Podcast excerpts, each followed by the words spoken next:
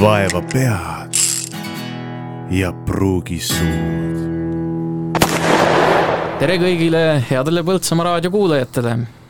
mul on hea meel, et on taas alanud saade Vaeva pead ja pruugi suud ning äh, täna olen siia stuudiosse kutsunud äh, kolm inimest, kellega me kavatseme rääkida ühest väga põnevast teemast. teemast natukene hiljem, aga need kolm inimest on siis äh, Põltsamaal juba paljudele tükk aega tuntud Tiit Lääne, Vooremaa peatoimetaja, tervist! tere päevast! Põltsamaa raadio mm, laulusaate Lauluga teele saatejuht Mihkel Uiboleht. jaa, tere! ja, ja sa oled ühtlasi ka, kuidas see oli, Tartu Ülikooli ajakirjanduse magistrant? just, täpselt nii. ja siis ka endine Vooremaa peatoimetaja ja praegu siis hoopis äh, õpetaja äh, Kertu-Kadi Vanamb. jaa, tere! ja mul on hea meel, et te kõik olete siia äh, tulnud, äh, me salvestame seda saadet kahekümne kuuendal detsembril, kuigi see natukene hiljem läheb eetrisse ning jõulud käivad veel täies hoos. kuidas äh, teie jõulud möödusid, te olete ju kõik selle kandiga üht või teistpidi seotud, et Mihkel, sina oled hoopis laiuselt pärit, eks, ja, ja siis sa olid ka kuidagi Vooremaal, olid praktikal või kuidas see oli? jaa, laiuselt nüüd pärit selles mõttes mitte, et vanavanemad on laiusel elanud päris pikka aega ja saigi nendel ka nüüd siis nüüd vanaemana ainsana veel jäänud alles, et just eile sai seal laiusel käidud vanaemal külas, nii et et Jõgevamaa on, on iga jõulu, iga püha, igal pühade ajal minul niisugune kohustuslikus programmis. ja jah, kaks suve siis, kui ma ajakirjandust õppisin ja bakalaureuseastmes, siis sai olla Vooremaas ka ka praktikal, nii et, et sellised, sellised seosed ja loomulikult Põltsamaalt on pärit minu väga hea kolleeg Eva Nõmme, nii et äh, saab, on tänu sellele Põltsamaale ka mitu korda, mitu korda saab aastas käidud Eeval külas. no ja tänu sellele sa oled ka sinna Põltsamaa raadiomuusika veergudele ära eksinud vahepeal. peab paika. Äh, Kertu, sina oled nüüd hoopis õpetaja. sul on täiesti õigus. miks selline valik siis üldse? Äh, ma otsustasin niimoodi suvel õpetajaks minna ja, ja ma olen väga rahul. Ja kuidas sinu jõulud möödusid, rahulikult või töiselt? no kuna jõulud on või jõulueelne aeg on alati hästi kiire e, ja aasta on vaja ära lõpetada, siis õpetajal on hea korraks hinge tõmmata ja, ja lihtsalt äh, nautida seda rahulikku jõuluaega Tiit, sina alles eile pidasid mingisugust suurt pidu, vähemalt nii sa mulle mainisid. oli siis tõesti suur pralle püsti pandud või? Äh, see oli sai tantsu keerutatud? ei, tants, tantsuni asi ei läinud, et see, selles mõttes oli suur pidu muidugi, et äh, eile tulid äh, kõik lapsed ja lapselapsed äh, äh, koju külla ja, ja rahvast oli päris palju, on ka veel täna palju, et äh, lapselapsi on mul juba kuus, nii et juba see iseenesest ütleb, et äh, et seda pidu on ja laud on pikk ja rahvast on palju, et eile oli nagu see kokkusaamine, et jõululaupäev oli, oli vaiksem, olime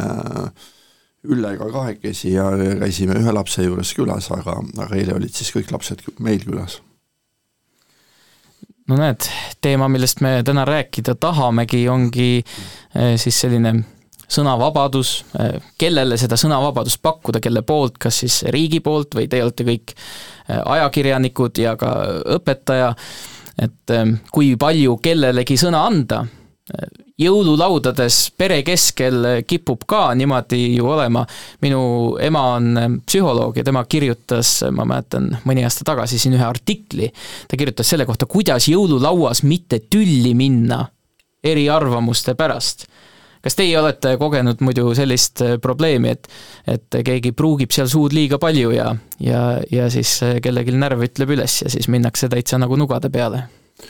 Ma ei ole õnneks äh, pidanud oma, oma suguvõsas seda kogema, aga ma, ma tean jah, et see on see probleem, et et hiljuti enne pühi ühe kolleegiga rääkisime, arutasime, et kunagine ammune aeg Vene ajal oli sellistel ühistel kokkusaamistel, oli niisugune kindel teema, oli poliitika teema, mida võisid raudselt rääkida, kõik olid ühel lainel, ühel meelel. Et äh, see oli väga hea seltskonna teema. tänapäeval on risti vastupidi, et äh, et äh, poliitilistest juttudest rääkides pead olema päris ettevaatlik, pead teadma inimeste tausta, kes sul seal seltskonnas on, kes kellega on kokku puutunud, et et mitte tekitada jah, lihtsalt tühja koha pealt sellist konflikti või, või tüli, et, et see, selles mõttes on jah, ütleme keeruline see on vana hea ütlus, et kaks eestlast ja kolm parteid, et see näitab selle arvamuste paljususega ära. aga minul on küll äh, jõululauas olnud selliseid juhtumeid, kus äh, poliitika pärast natukene niimoodi erinevatesse teedesse minda, minnakse, sest sest arvamused, eriti põlvkondade vahel, on, on erinevad, et et aga mm, siis on alati, leidub keegi seltskonnas selline, kes äh, ütleb, et räägime nüüd millestki muust, et räägime ilmast näiteks või, või millest, millestki taolisest, aga äh, eilsest ähm, oli mul, on mul selline meenutus, et mu vanaema, kes on üheksakümne kahe aastane, kes on, kes Laiusel elab, et tema on, ähm, tema väga suurelt poliitilisi sõnavõtte ei, ei, ei luba endale, küll aga tal on selline kindel lause, mis ta ka, mis ta ka eile jõululauas ütles, et et kui ikkagi Eesti, Eesti, kuidas, kuidas see lause on, et kui ikkagi Eesti koer ei või Eesti riigis siis nagu haukuda, et siis on ikkagi nagu margapuu valesti, et see on tema selline lause, mida ta nagu iga kord korrutab ja noh, eks ta siis muretseb, ütleme siis eestluse pärast ja, ja sellepärast, kas ikkagi see, see, see arvamus nagu, mis eestlased arvavad, ähm, kõlab piisavalt kaugele ja noh, see võib alati põhjustada ka selliseid vastakaid tundeid, et, et kas see, et ähm, keegi seisab, keegi muretseb nagu eestlaste arvamuse pärast, et kas see kuidagi läheb konflikti sellega, mida arvavad näiteks siis ähm, teised rahvused, kes Eestis elavad, või siis, või siis kuidagi teiste riikide arvamusega, et see on selline äh, see on selline juba pikem, pikem arutelu, aga, aga jaa, ma arvan, et jõululauad, eh, noh, nii, nii kurb kui see ka ei ole, et siis tegelikult me kuuleme, kuidas pühade ajal on on näiteks koduvägivalla eh, statistika on hästi kõrge, et siis ma arvan, et see on natuke see, sellesamaga, sama loogikat pidi nagu edasi minnes, et siis ilmselt äh, nii-öelda nendes jõululau, jõululaua juttudes võib ka see konflikt nagu võimenduda, et võib-olla sa muu aasta jooksul ei puutugi oma lähisugulastega või perekonnaga nii tihedalt kokku, aga seal on nagu, tulevad need teemad ja noh, aasta lõpp on ju hea kokkuvõtte tegemise aeg niikuinii. Jah, see põlvkondade vaheline erinevus tuleb jõululauas ülihästi tavaliselt välja, minu jõululauas ka aga kui koduvägivallast rääkida, siis äh, ma lugesin just äh, paar päeva tagasi artiklit, et äh, naistel on kõige ebaturvalisem olla just jõululaupäeval kodus, nii et see on kurb tõsiasi, millega peab arvestama. aga mõned asjad on nagu põlvkondade vahelised erinevused, võib-olla need tulevad just pealiskaudsemal suhtlusel välja,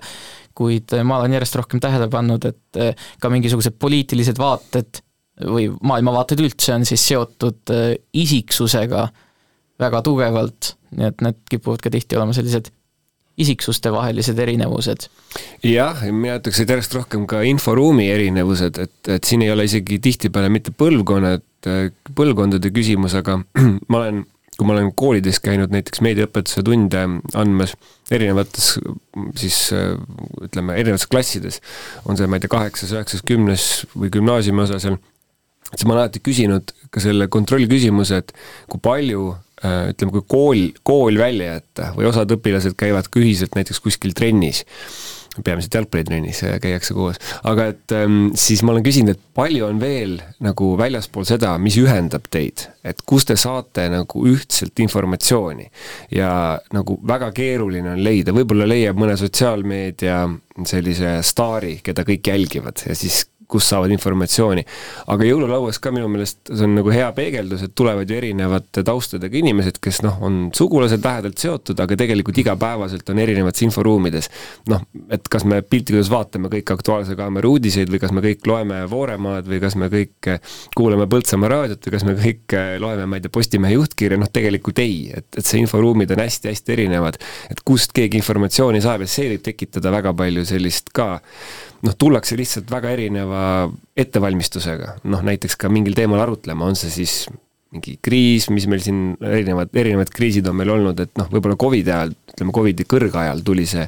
võib-olla eriti hästi välja, et, et kust keegi sai oma informatsiooni, kas siis ühelt arstilt, teiselt arstilt, ühest portaalist, teisest portaalist, sotsiaalmeediast, sõbralt, et sellest sõltus väga palju see, mis ta noh, nagu ettevalmistus oli. Ja siis nagu hakata seal jõululauas paari tunni jooksul nagu selgitama neid erinevaid maailma kokku, et see on päris keeruline. no ei ole ju saladus see, et äh, igalühel on oma, oma kajakamber sotsiaalmeedias, kust ta oma infot saab ja mida rohkem äh, seda kajakambrit suurendada, seda suurem on see lõhe ilmselt, kas siis jõululauas või klassiruumis või kus iganes.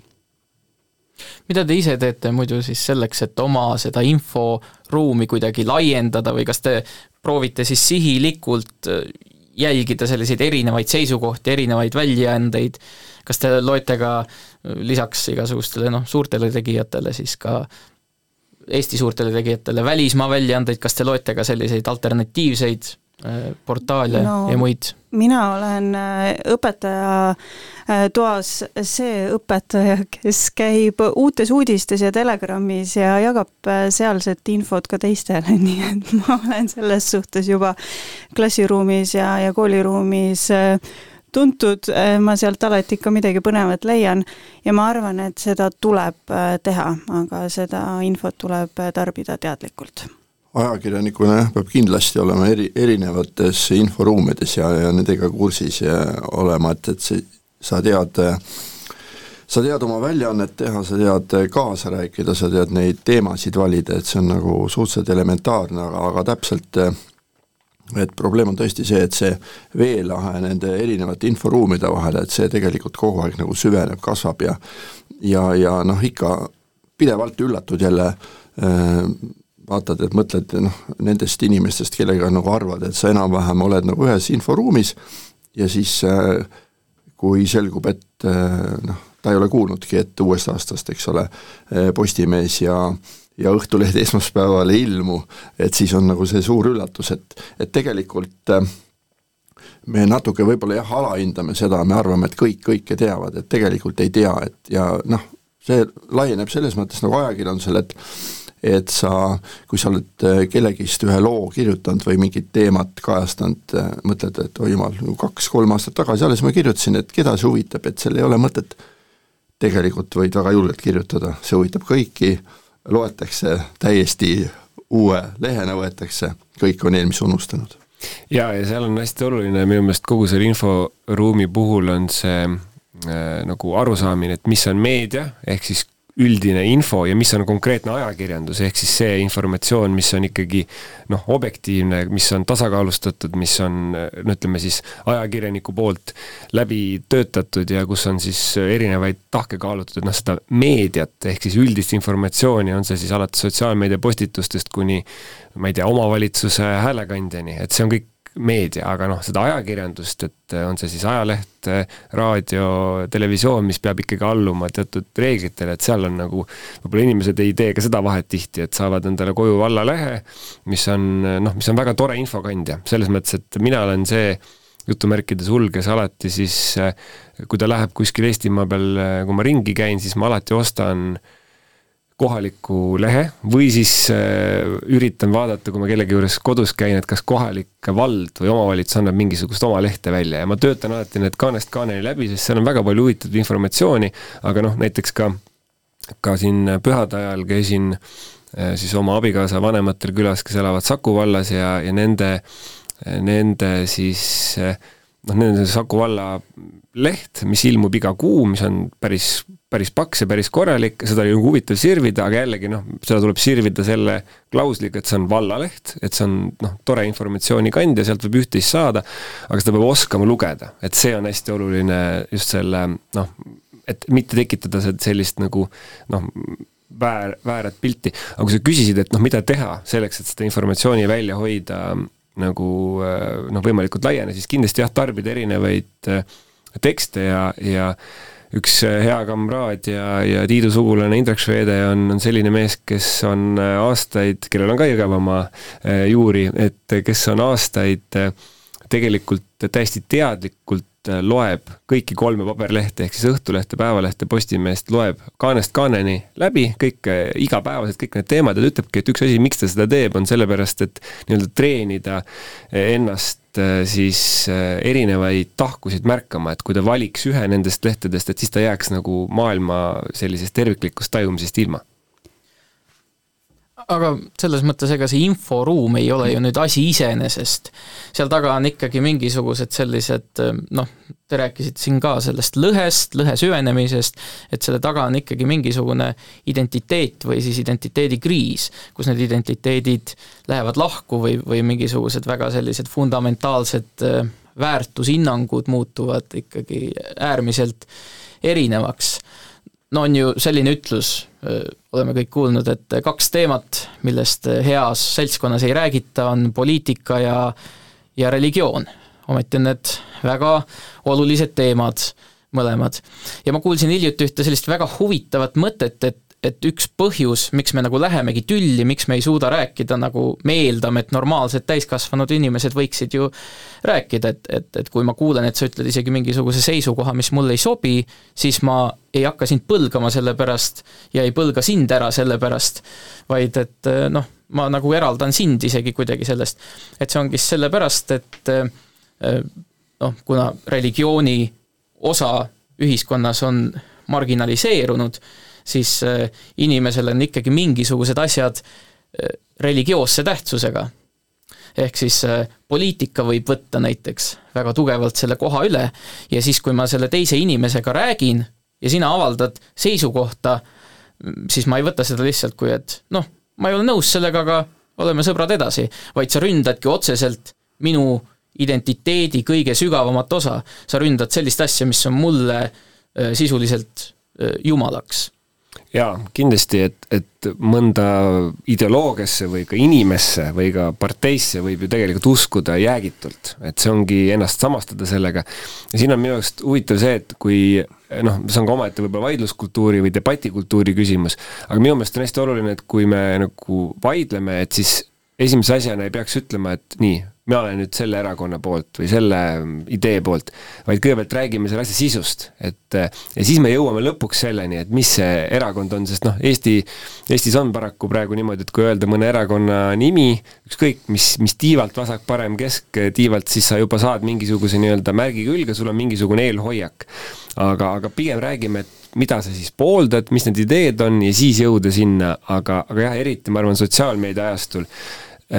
me tahame sellist noh, väga kiiret lahendust, see on nagu hamburger, et äh, tahame nagu süüa nagu hästi kiiresti, aga hamburgeri puhul on see, et sa saad kiiresti küll ta kätte, võib-olla nagu lõhnab ka päris hästi, aga siis ühel hetkel paneb kõhu valutama ja tuleb sama kiiresti välja, kui ta sisse läks ja mingisuguseid kasulikke toitaineid sulle eriti ei jäta, et selle äh, informatsiooniga on nagu suhteliselt sama, et me tahame kiiret lahendust, nii, ütle, kas see vend on siga või ta ei ole siga, ütle, kas sa oled selle partei poolt või selle, aga see noh, elu ei kipu olema nii mustvalge nagu kunagi, et noh, et öeldagi, et kas sa nüüd toetad toetad eh, neljarealise Tallinn-Tartu maantee väljaehitamist järgmise kahe aasta jooksul, noh, ma ei tea, ma arvan, me siin kõik toetaks kahel käel, aga küsimus on alati selles, et kust me selle raha saame ja nii edasi, nii edasi, et noh, ühesõnaga selliste näidete varal, et, et, et see debatikultuur nagu äh, tahab niisuguseid lihtsaid lahendusi, mustvalge jah või ei. See argumenteerimiskultuur on meil tõsiselt puudulik, kui me, mina loen väga kommentaariume, mulle tohutult meeldib kommentaariume lugeda ja ja meil ongi see, et äh,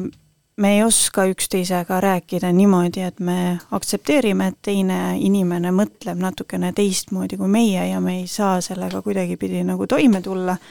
ja meile meeldib kohe hakata silte kleepima, sest niimoodi on kuidagi lihtsam.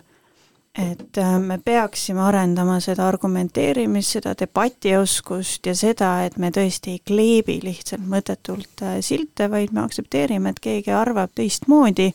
ja me ei ründa äh, teda isiklikult. see ära, ärakuulamisoskus on minu arust see, mis on, mis on puudulik või on alla käinud, et äh, ei suudeta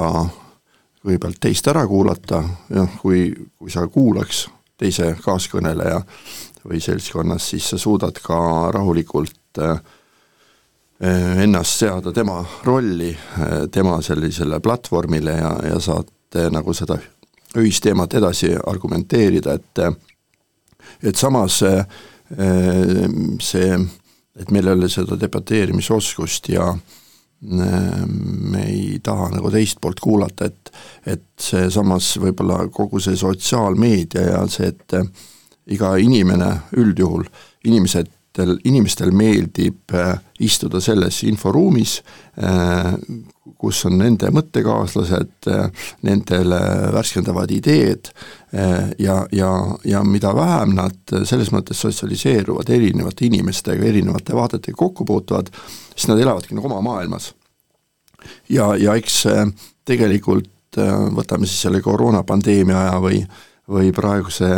sõja aja, et kõik see on mõnes mõttes ju seda veel enam aina süvendab. et, ähm, et tore on olla äh, nii-öelda ainult oma selles kindlas nišis ja arvata, et see on siis see ainukene maailmas äh, kõige õigem, kõige targem, et äh, ja siis, kui omavahel kokku minnakse, siis minnaksegi kokku põhimõtteliselt karvupidi, et ei, ei suudeta nagu rahulikult teist poolt ära kuulata, et sellest on väga kahju tegelikult. Ja siin on see oluline asi, et äh, toetades seda Tiidu mõtet või jätkates seda, et et seal on, no eriti sotsiaalmeedia puhul on võib-olla oluline aru saada, et, et kuidas see sotsiaalmeedia on üles ehitatud, et jällegi meil on kuidagi selline võib-olla natuke naiivne eeldus, et sotsiaalmeedia justkui on noh, midagi nagu ajakirjanduslaadset, et noh, tegelikult mm -hmm. ei ole, et sotsiaalmeedia on mis iganes sotsiaalmeediaettevõte on eraettevõte, tema huvi on konkreetne, hoida meid, kasutajaid, võimalikult kaua sotsiaalmeedias. ja nende algoritmid on üles ehitatud selle peale, et meile põrgatada siis seda sisu, mis meile meeldib, vähemalt sotsiaalmeedia siis algoritmide arvates, noh, ehk siis mida me oleme klikkinud, kus me oleme rohkem aega veetnud, mida meie sõbrad arvavad, on ju, et, et hoida meid seal ja noh, tekibki selline noh, mull, eks ole, kus me tegelikult noh, kui ajalehe me võtame lahti, näiteks paberlehe, siis me näeme vähemalt neid artikleid ka, mida me võib-olla, millega me nõus ei ole ja võib-olla mida me ei tahagi lugeda, aga vähemalt me näeme, et nad olemas on. aga sotsiaalmeedia puhul me isegi ei näe, et seda teistsugust arvamust olemas on, sest meie enda mull on nii tugev ja kuna sotsiaalmeedia platvorm ei taha, et me sealt ära läheksime, siis ta pakub meile järjest meie arvamusi toetavaid ja võib-olla isegi meid siis mingis mõttes Äh, noh, äärmuslikumaks muutvaid ideid järjest enam, enam, enam. Ja siis noh, sa oledki selles kinni, et noh, näiteks siin osad sotsiaalmeedia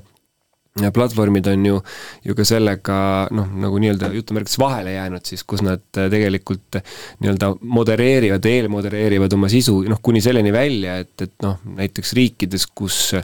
teatud noh, ütleme uskumused või siis ka lausa inimõigused ei ole,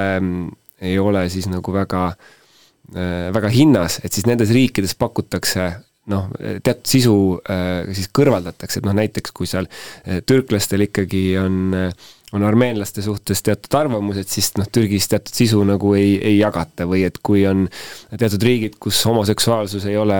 aktsepteeritav või on seadusvastane lausa, et siis nendes riikides ka, et sotsiaalmeediaplatvormid modereerivad seda sisu välja, et noh, et need on nagu niisugused väga, väga nagu ekstreemsed näited ja see ongi noh, kuidagi inimese eeldus, et oi, et noh, see sotsiaalmeedia asub mul taskus, ta on mul nii lähedal ja, ja siis noh, lõpptulemus on see, et et noh, nii-öelda selleks, et ähm, osata seda tarbida, et mina arvan, et noh, näiteks ka haridussüsteemis sellel, sellel on, sellel noh, pööratakse sellele meediapädevusele, pööratakse järjest rohkem tähelepanu, aga et sellele võiks nagu palju rohkem tähelepanu pöörata, sest just see eristamine, et, et ah, et ma eile lugesin Facebookis seda, siis kui ma küsin, et et aga noh, Facebook, et see ei ole ju ajakirjandus, et seal ei olegi mingit tasakaalustatuse nõuet või mingit sellist asja, aga noh, inimene teeb oma järelduse selle põhjal, mis ta Facebookist eile luges vaeva pead ja pruugi suud. seal sotsiaalmeedias äh, on, üks osa on see kajakamber, millest te rääkisite, kus sa siis saad seda infot, mida sa oled juba varem saanud, aga teine ja mitte vähem olulisem osa on ju see koht, kus käiakse kaklemas teistega. ja sul ongi näiteks no Twitteris sul ongi sada kuuskümmend tähemärki, ega selle saja kuuekümne tähemärgiga ju midagi väga sisukat ei kirjuta, vaid sa vaatad, kuidas sa saad võimalikult tabavalt, kiiresti, teravalt kellelegi ära panna. ja, ja, ja et kui me räägime sellest, et meil on niigi raske üksteisega rääkida juba ühe laua taha, taga olles, siis sotsiaalmeedia teeb seda veel raskemaks, et tõenäoliselt üheks eelduseks ikkagi, et kuulata see teine seisukoht ära, on ka see, et ma olen selle inimesega koos, füüsiliselt koos ja sellepärast see sotsiaalmeedia teeb seda asja keerulisemaks, ta võtab selle inimliku faktori sealt võtab täielikult ära, sul ei saagi mingit empaatiat tekkida, sa vaatad ainult seda, selle inimese seda ühte lõustapilti seal ja siis loed seda teksti. Jah, me hakkame kuidagi, sotsiaalmeedia paneb meid igasuguste muljete põhjal otsuseid tegema, et mul on üks äh, kamraad, kes mulle aeg-ajalt helistab ja noh, tahab minuga jalgpalliteemadel vestelda ja siis me vestleme ja ta tavaliselt alustab sellega, et noh, mis teil seal jalgpallis toimub, et, et jälle mingi ilge jama. ma ütlesin, et noh, et mis siis on, siis ta ütleb, et ei noh, ma lugesin selle uudise pealkirja. ma ütlesin, et noh, et aga kas sa sisse ka vaatasid? ei vaadanud, siis ma selgitan, mis seal sees oli ja siis ta ütleb, et aa, nojah, okei okay,, siis ei olegi nagu midagi. et, et see on seesama see Twitteri näide, et me tahame nagu noh, nii-öelda seda kiirtoitu, me tahame saada saja kuuekümne tähemärgiga targaks, et et jällegi üks, üks väga tark inimene, Joosep Susi, kes on endine spordiajakirjanik ja praegune siis äh, Tallinna Ülikooli mm, äh, didaktik ja, ja, ja, ja luuleteadlane, tema ütles äh, ühes intervjuus väga, väga hästi korrutas seda mõtet mitmel erineval moel, et õppimine on üks väga-väga aeglane protsess ja igasuguse informatsiooni omandamine, et me praegu nagu tahamegi saada seda lõplikku tõde või täit teadmist nii-öelda saja kuuekümnes äh, tähemärgis, et keegi teine meie eest selle ära teeks, noh, sama see Covid kriis, tohutult keeruline, kompleksne,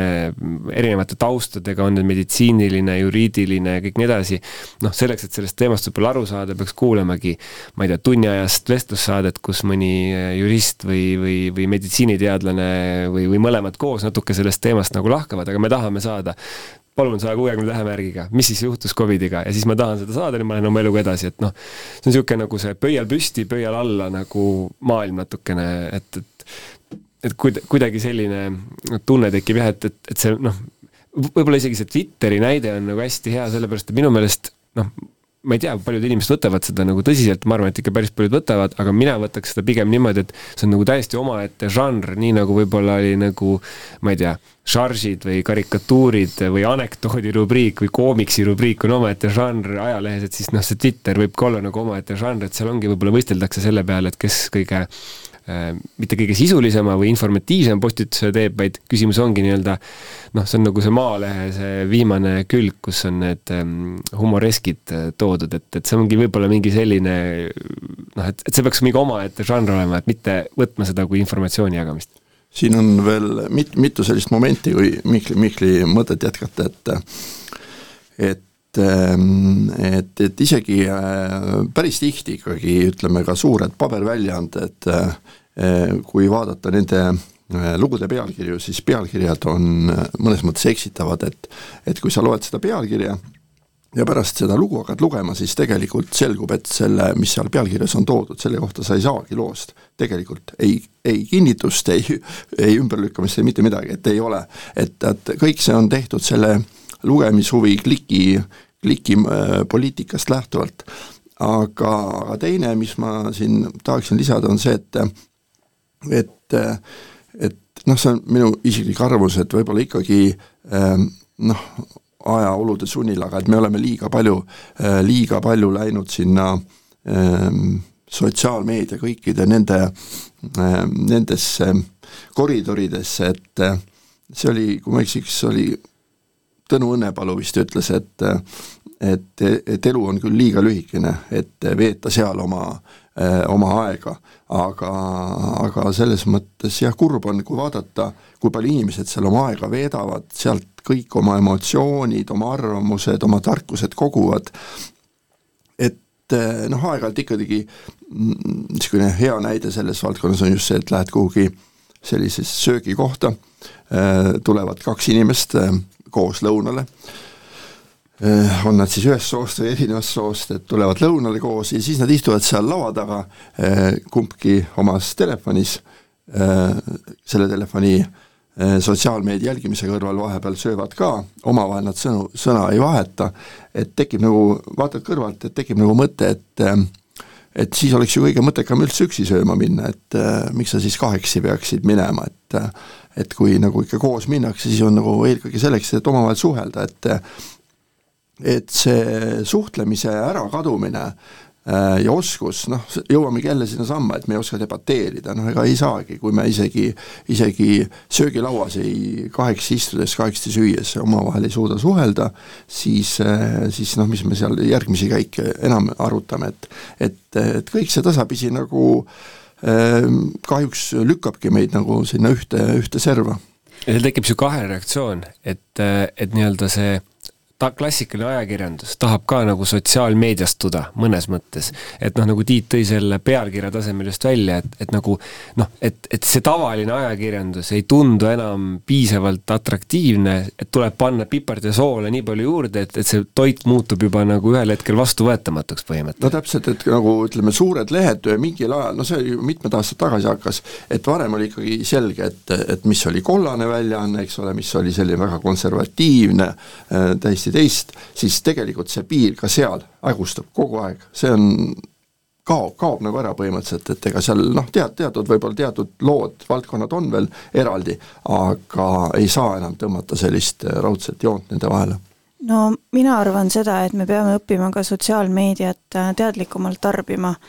Ja, ja seal on väga suured puudujäägid, kui me räägime juba kajakambrite tekkimisest,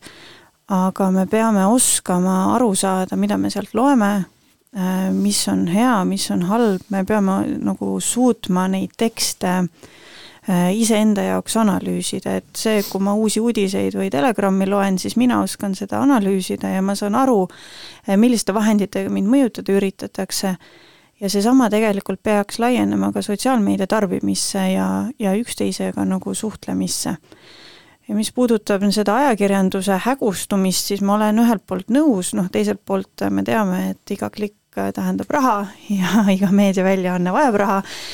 see ei ole enam saladus ja, ja see, et see klikk kätte saada, ollakse nõus mida iganes tegema, et ja, ja ma arvan, et lugeja peab ka seda mõistma, et tema kliki äh, jaoks tehakse põhimõtteliselt mida iganes. jah ähm nagu siit Tiidu jutust läbi käis, siis äh, selle omavahel rääkimisega on äh, nadisti need lood paistavad olevat ja selle jaoks, et äh, üks pool saaks rääkida, siis teine pool peab ju kuulama. ja, ja sa vist ütlesid ka, et, et kuulamist peab ka samamoodi õppima, nagu siis seda väitlemist, oma seisukoha väljatoomist ja selle eest argumenteerimist. aga kui me ütleme, et kõik on vaja ära kuulata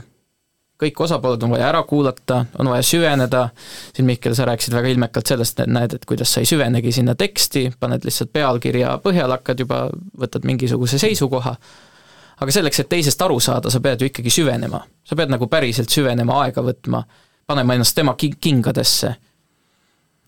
ja kuidas sa siis teda ära kuulad, kui me leiame, et mingisugused seisukohad on sellised, mida võib-olla ei tohikski levitada, no Mihkel, sa tõid siin näite, sa tõid siin näite teistest kultuuridest sa tõid näite, kuidas sotsiaalmeedia siis näiteks kärbib seda, mida mingisugustes teistes kultuuriruumides avaldatakse või siin just oli jalgpalli mm toimus ka Kataris ja väga palju tehti kriitikat, et näed, et vaata, millised, missugused põlastusväärsed väärtushinnangud seal on. no ma kipun arvama, et nemad seal kohapeal vaatasid selle peale, et noh, koerad hauguvad, aga meie karavan läheb edasi. me teeme siin ikka asju, aga noh, tead, keegi kuskil kirjutas midagi kuskil Facebookis või Twitteris, see meid selles mõttes väga ei huvita et äh, kui nüüd küsida niimoodi, et kas on siis mingisuguseid seisukohti, mida ei tohiks teie arvates kuidagiviisi levitada, mille peaks ära keelama, jõuga välja viskama, mida siis nagu ajakirjandus valib, et ta ei avalda, ei kajasta, või siis ka näiteks, et seadus keelab teatud asju minu arust see peaks, minu arust see peakski olema nagu läbi, läbi seaduse, et kas see on riigivastane tegevus, kas see on mingit pidi siis noh, ma ei tea, meediateenuste seadusega keelatud midagi taolist. vaenu õhutamine. vaenu õhutamine, täpselt, et, et et noh, aga samal ajal, et noh, muus osas peaks olema ikkagi see tolerants peaks olema väga kõrge, sest muidu me hakkame piirama noh, täiesti normaalseid arvamusi, mis erinevad küll meie arvamustest võib-olla näiteks või minu arvamustest, aga, aga, aga nad on ikkagi noh, esindavad kellegi, et noh, eriti ajakirjanik peab väga hästi tajuma ära seda, et mis on ühiskonna noh, nagu üldine me-, meelestatus, et noh, kui ikkagi teatud arvamus on ühiskonnas väga levinud, näiteks seda toetab, ma ei tea, viisteist, kakskümmend, kakskümmend viis protsenti inimesi näiteks küsitluste järgi ja, ja nagu seda arvamust ei lasta nagu esile, et siis see noh, siis see ei ole noh, kindlasti ajakirjaniku poolt professionaalne töö, et ta peabki seda noh, võib-olla hea näide on see, et kuidas nagu mõista teistsugust arvamust, et võib-olla kui, kui eeldada, et see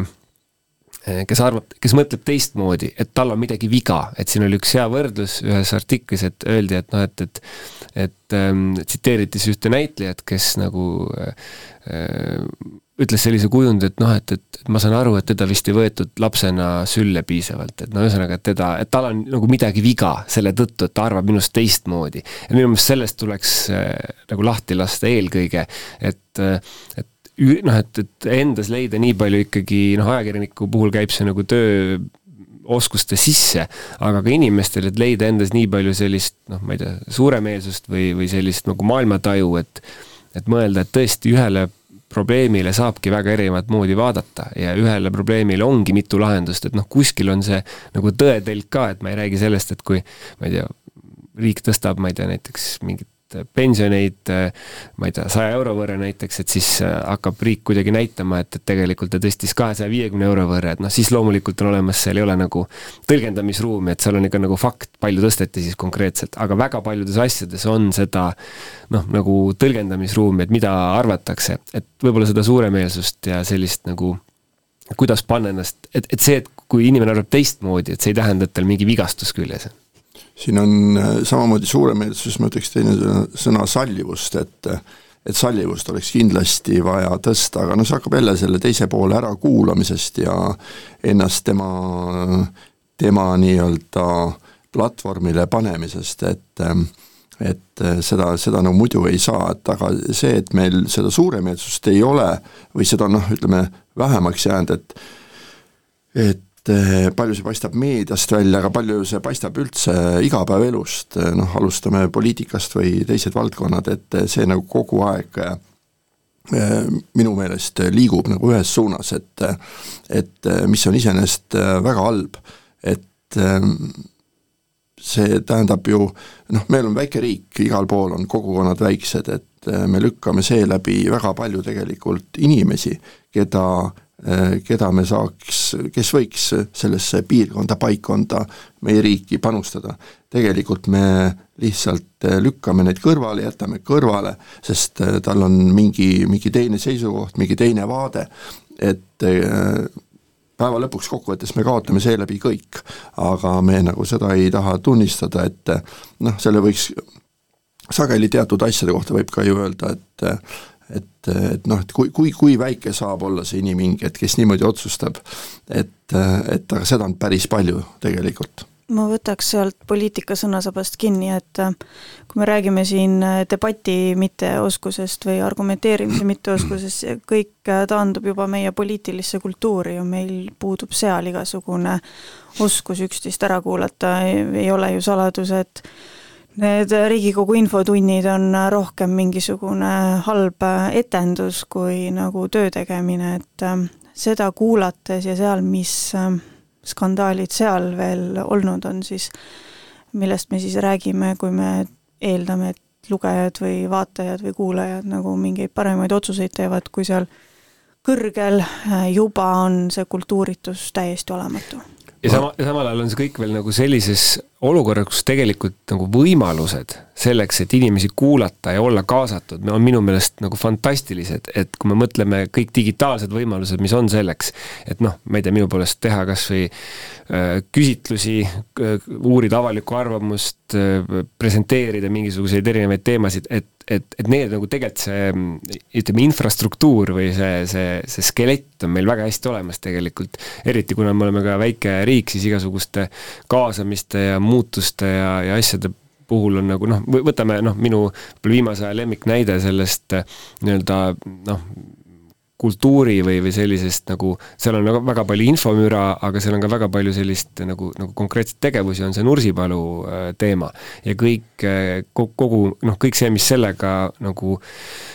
siis seotud on, ehk siis ühelt poolt, et, et kuidas riik käitub, milline on tema kommunikatsioon kodanikuga ja siis, kuidas kodanikud käituvad vastu ja siis, kuidas ajakirjandus käitub, et seal on nagu kolm sellist väga äh, kihvti tasandit, mida analüüsida. ja jällegi minu meelest see oleks võinud hoopis teistmoodi kõik olla, sellepärast et, et just, et me oleme noh meil on siin riigis see võimalus põhimõtteliselt, et et äh, on see siis alates peaministrist või presidendist, lõpetades seal äh, madalama astme ametnikega, nad võivadki sulle ukse taha tulla, koputada ja rääkida üks-ühele sellest äh, murest, mis, mis, mis on, versus see, et noh, suurtes riikides niisugune asi ei ole võimalik, et ma ei tea, Prantsuse president käib läbi hulk kodusid kuskil ja, ja vestleb nendega üks-ühele, et see tunduks nagu absurd, aga need võimalused on olemas, et pigem, et kuidas me neid kasutame, just see mis siin eelne-, eelnevalt ka juttu oli, see nagu kellegi välistamine, noh, sellepärast et ta on selline, et noh, et see mm, et, et huvitav on see, et kui me räägime niisugustest universaalsetest väärtustest, ma arvan, nagu noh, nagu ütleme näiteks puuetega inimesed või erivajadustega inimesed, siis ütleme, ühiskond on ikkagi väga laias konsensuses, et, et erivajadustega inimesi tuleb aidata, neid tuleb kaasata ühiskonda, seal ma nagu ei näe probleemi. aga kui me läheme poliitika peale, erinevate nagu maailmanägemuste peale, siis seal tuleb see sein nagu väga kiiresti ette, ehk siis et et ahah, ta on selline, järelikult noh, tuleks see inimene nagu tühistada, välistada, mis iganes. Et, et seal on noh, et nagu sõnavabadusega eh, mõne koha pealt tundub, et, eh, et nagu või see tolerantsusega, ma ei oskagi öelda, kumb see täpselt on, on nagu kuidagi soov nagu väga äkiliselt reageerida, võib-olla see on ka nagu selle kriiside mõju, et kriisides mõnes mõttes ongi vaja natuke äkilisemat nagu käitumist või vähemalt sinnapoole meid nagu noh, et selleks, et kriisi lahendada, oleks vaja nagu niimoodi välk-ja-pauk tegutseda, aga samal ajal noh, see on ka mujal maailmas teada, et kriisid on väga ohtlik Äh, periood just sõnavabaduse kontekstis? see pigem on äh, tolerantsus, mitte sõnavabadus, sest ma arvan, et äh, me saame rääkida sõnavabadusest selles kontekstis, et meil on igalühel õigus, võimalus öelda, kirjutada ja arvata, mida me tahame ja meil on küllalt portaale ja, ja kommentaariume, kus tegelikult see ju kajastub, pigem on probleem tolerantsusega, et me ei ole väga Äh, tolerantsed, ma just lasin õpilastele siin ühes kirjanduse tunnis äh, seda Tujurikkuja laulu aasta lõpu äh, laulu ja, ja siis me arutasime seda, et meil on tolerantsusega on väga suured probleemid ja me ei leidnud ühtegi viisi, kuidas siin veel lähiaastate või aastakümnete jooksul me saaksime nii kaugele, et me ei vihkaks teisi inimesi, kes on teistsugused. siin on võib-olla see on nii pluss kui miinus, aga see on võib-olla see Eesti väiksus, ikkagi see väike ühiskond, et äh, suures ühiskonnas väga paljud teemad tegelikult lahustuvad ära, et äh, et äh, noh, kui veel selle Nursipalu näite juurde tuua, et et tulla, et me tegelikult peaksime siin just kasutamagi seda oma riigi väiksust ideaalselt ära ja selle enda kasuks pöörama, et meil on võimalus tõesti nii-öelda ukselt uksele käia, lävepakult seda kõike rääkida. et, et kui me seda ei tee, siis me ühest küljest teeme nagu, mõtleme ennast nagu mingiks suureks riigiks, mis, mida me tegelikult ei ole, et et siin on nagu selline vastuolu tekib, et, et me oleme väike, meil on väike kogukond, ühiskond, väike riik ja ja me peame kõik need väiksed asjad maksimaalselt nagu enda kasuks just äh, nende sammudega pöörama vaeva pead ja pruugi suud. Äh, tolerantsus, sõnavabadus, dialoog on need mõtted, mis siit läbi käisid. ma korra küsiks selle tolerantsuse kohta teist, et mulle tundub, et seda sõna tolerantsus või siis sallivus kasutatakse tihti, seda kirjeldatakse kui mingit äh, voorust ja noh, inimene siis tahab enda kohta ikka mõelda, et mina olen ju kuskilt pidi ikkagi vooruslik. ja mulle tundub, et seda väljendit kasutatakse tihti just või tuuakse esile siis, kui mina tahan öelda, et sina pead olema tolerantsem kas siis minu või siis nende inimeste suhtes. ja need inimesed, kellele ma viitan, on tihti noh, on nad siis näiteks mingisugune vähemus või midagi, aga nad on tihti just see vähemus, kes mingil põhjusel juba mulle sümpaatne on. seda ju ei kasutata tavaliselt siis, kui öeldakse, et, et näed ma saan aru, et need on igavesed jobud tõprad seal, on ju, nad meile kellelegi ei meeldi, aga oleme nende suhtes tolerantsemad. vaid see on just pigem mingisugune üleskutse sellisele voorusele, mida mina juba öö, oman ja noh, väga lihtne on ju olla tolerantne nende suhtes, kes meile juba meeldivad. jaa, mul on nagu enda puhul vähemalt vastupidine näide olemas, et minu arust, kui see noh, Covid kriis oli siis ütleme haripunktis, siis noh, mina olen, mina tegin väga teadliku otsuse ennast vaktsineerida ja olen kolm korda vaktsineeritud ja, ja, ja, ja ka retrospektiivis tagantjärgi vaadates ei, ei muudaks seda kuidagi. aga, aga sel perioodil ma arvan, mina oma sisemuses ja ka vestlustes oma, oma sõprade-tuttavatega oma sõprusringkonnas olin küll väga tugevalt nende inimeste kaitsel, kes otsustasid ennast mitte vaktsineerida, sellepärast et et minu meelest tehti neile väga tugevalt liiga, tehti liiga ka sellega, et neid vallandati ja mille kohta on nüüd olemas ka vahetult enne pühi tulnud Riigikohtu esimene otsus, et see oli ebaseaduslik, nende vallandamine selle eest, et nad ei vaktsineerinud ennast. ja neid otsuseid ilmselt tuleb lähiajal veel, et, ähm, et, et noh, et me jällegi, meil peab olema nagu seda seda, aga noh, nii-öelda sellist noh,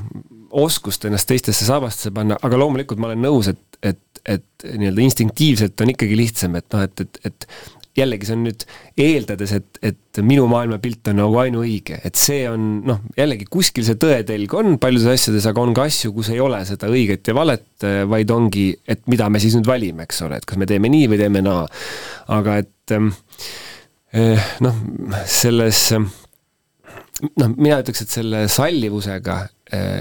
võib-olla natuke siis Kertule oponeerides on see, et, et minu meelest meil mingite asjadega on nagu väga hästi, mina vähemalt jällegi, võib-olla see on ka liiga isiklik kogemus või, või, või nii palju, kui vähemalt ma olen kuulnud ja näinud, et ma ei, ma ei tea, et näiteks meil siin rahvuste pinnal oleks väga suuri probleeme tolereerimisega või ütleme siis rahvuste või rassi pinnal. küll aga ma mina pigem tunnen kõige rohkem seda just selliste nagu maailmavaateliste küsimuste puhul või poliitiliste ideede puhul, et minu meelest seal see, see vennatapp on, on, on nagu palju, palju kõvem, et noh, arvestades, et meil ikkagi elab umbes kolmandik Eesti inimesi on siis siis ei ole eesti rahvusest, on, on muud päritolu, et siis noh, kui võrrelda meid nagu ma ei tea, teiste Euroopa riikidega, kus on enam-vähem samas suurusjärgus siis sisserännanud inimesi, siis noh, ma arvan, et need probleemid, mis seal on, on ikkagi päris suured just nende põlisrahvuse ja, ja siis sisserännanute vahel, et meil nagu, mina vähemalt küll ei tunneta sellist probleemi, minu arust vene rahvusest inimesed on üldjuhul, loomulikult on erandeid, aga et üldjuhul ikkagi suhteliselt hästi nagu Eesti ühiskonna osa, et, et ja see on, see on väga hea, et nad on, et noh, siin võib tuua loomulikult pronkssõduri ümber lahvatanud teema ja selle Narva tanki, aga, aga noh, arvestades kui suur hulk see, kui suur see protsent on, need on ikkagi pigem väiksed, mina just pigem tunnetan eh, seda nii-öelda selliste poliitilise meelsuse või, või maailmavaateliste arvamuste osas niisugust nagu tühistamist või, või siin on võib-olla noh, mingid ka tavad, kombed lähevad siia alla. ja ma olen ka täitsa nõus Mihkliga, et et kui vaata, noh, kui kujutaksime ette mõnda sellist Äh, Lääne-Euroopa riik, Kesk-Euroopa riiki, kus oleks üks kolmandik äh, inimestest äh, või noh, mõnel pool ongi teisest rahvusest, et, et noh, milli-, millised lõputud konfliktid ja pinged tegelikult sellest tekivad. et me oleme sel-, selles plaanis me oleme väga hästi välja tulnud, toime tulnud, et me lihtsalt pigem, pigem tekitame ise sageli tühja koha pealt endal neid probleeme, on need siis eh, jah, see täpselt see maailmavaade või eh, poliitilised eh, veendumused või eelistused, et et et, et seda nagu vähendada, see on jah, puhtalt siis on ta siis sallivus või tolerantsus või et me peame selles mõttes ennast harima ol-, oluliselt rohkem, et, et, et et, et mitte, mitte tekitada iseenda sees, enda keskelt neid äh, probleeme no kui ma nüüd teile vastu hakkan opon-, oponeerima, siis äh, enne oli teooria, nüüd tuleb praktika, jah? nüüd tuleb praktika, on ju. et äh, selles suhtes ähm, noh, me, meil on äh, neid erakondasid, kes lõhestavad sihilikult seda lõhet seal meie ja teie vahel, eks. teiselt poolt ähm, ma arvan, et see meie ja teie, see lõhe, noh, me oleme siin kõik ähm, priviligeeritud, nagu ma arvan praegu natukene, selles suhtes me ütleme, et meil ei ole probleemi, meil ei saagi siin riigis probleemi olla. teistel inimestel on probleemid, et selles suhtes on natuke priviligeeritud küll aga ma näen, et see meie ja teie lõhe hakkab juba siinsamas põgenike lainega üle pea käima, et eh, miks me eelistame neid ja miks me ei tee endale, enda omadele head ja miks me teeme teistele ja vaadake, mida me anname sinna ja tänna. et see on väga ohtlik samm, kuhu me praegu siin astume. mis puudutab nüüd seda sallivust ja tolerantsust, siis ma arvan, et eks see mõiste ka kuidagi mulle tundub, et seda lörtsitakse viimasel ajal nagu nii tohutult, et selline sallivus ja tolerantsus oleks justkui nagu midagi sellist, ma ei tea, nagu kehva või ma ei oska seda isegi paremini selgitada, et see kuidagi nagu lihtsalt on selline ära lörtsitud mõiste. siin on huvitav nagu tuua see nagu sild siia inforuumi äh, ka, et, et kas näiteks äh, noh, Kertu poolt toodud selline natuke sotsiaalne vastandumine, eks ole, et, et kellegi heaks tehakse midagi. et kas laiemalt Eestis on see probleem, et meil on ütleme, sotsiaalne staatus määrab ära selle, mis inforuumis sa oled ja ütleme, et siis sotsiaalselt siis nagu vähem, vähemate võimalustega inimesed on kehvemas inforuumis ka, et me, kas, kas me saame nagu sellist paralleeli tuua, et noh, et siis on, siis tekib kohe see olukord, kus sotsiaalset et eh, sotsiaalne staatus hakkab siis taastootma sotsiaalset staatust, et see on natuke see teema, et kui ma ei tea, aasta sada aastat tagasi umbes või, või, või, või, või isegi rohkem räägiti sellest, kuidas eh, vaestest oludest tulnud inimesed, et kui neil ikkagi on, oleks juurdepääs haridusele, et siis nad noh, neil oleksid need võimalused, et kas me natuke oleme nagu sarnases olukorras praegu, kus eh, noh, inimene kes tuleb keerulisest sotsiaalsest äh, taustast, et tal võib-olla ei olegi võimalusi seda kvaliteetsemat ajakirjandust tarbida ja ta peab äh, nii-öelda selle sotsiaalmeediaga piirduma ja siis noh, tekivadki teatud arvamused, mis ta-, taastoodavad teatud arvamusi, mis võib-olla tekitavad ka niisugust klassiviha sinna, sinna juurde. aga see minu meelest pigem niimoodi ongi, et äh, see sõltub ju esiteks lastetoast, milliste väärtustega inimene siia maailma tuleb, teiseks see sõltub ju sellest, noh, koolis võid sa ju õpetada mida iganes sa tahad, aga kui kodus on äh, vastandumine koolile ja haridusele ja, ja seal õpetatule niivõrd suur, siis äh, see noor inimene jääbki sisemisse konflikti ja ta ei saagi enam lõpuks aru, mida tasub tarbida, mida mitte, keda tasub uskuda ja keda mitte. aga miskipärast siin kipub ikkagi äh, noh, selle samuse tolerantsuse või dialoogi pidamise juures, et kus ma peakski nägema teist inimest kui inimest, no see võiks ka see lastetuba olla, et ta õpetab sulle nägema inimest alati selle seisukoha taga, aga meil see nagu lõhe ongi kuidagi nii sügaval, kui sellist väljendit kasutada võib, et me ei näegi neid inimesi, vaid me näeme esmalt neid identiteete, neid arvamusi, mida ta esindab. et meil võib olla see arusaam inimesest kui, kui indiviidist, kui, kui kelle, keel, kellegist, kellel on tegelikult no ütleme niimoodi, kasutame sellist äh, pateetilist väljendit siis nagu, et ta on hingestatud olend, kes on minu vastas. ja ta ei ole ainult tema seisukohad. et, et miskipärast me nagu kaotame selle ära või, või unustame selle ära. ja, ja seejuures ma mõtlen, äkki see kultuuri parandamine äh, võiks alata Äh, selles mõttes ka iseendast, see on ka klišee, eks, aga aga selles mõttes iseendast, et mõelda, mis asjad need minu arvamused tegelikult on. Se-, sellepärast, et ega me ei ole ju tegelikult nagu naelutatud ühegi arvamuse külge. Äh, meie arvamused võivad, võivad ka muutuda ja, ja see väitluskultuur, kui sul tuleb väitlusselts, tuleb noori õpetama, siis ta juba õpetab neid kuidagi niimoodi, et teile on ette antud üks seisukoht ja te peate selle seisukoha eest võitlema mitte siis ei õpetata seda, et sa nagu vastavalt mingisugustele argumentidele muudad oma, oma arvamust, noh, ma saan aru, et see on nagu pooleldi lavastuslik või selline mäng ka. ma olen nõus selles suhtes, et et meie väärtused elu jooksul muutuvadki ja see peabki niimoodi olema. küll aga me nagu ei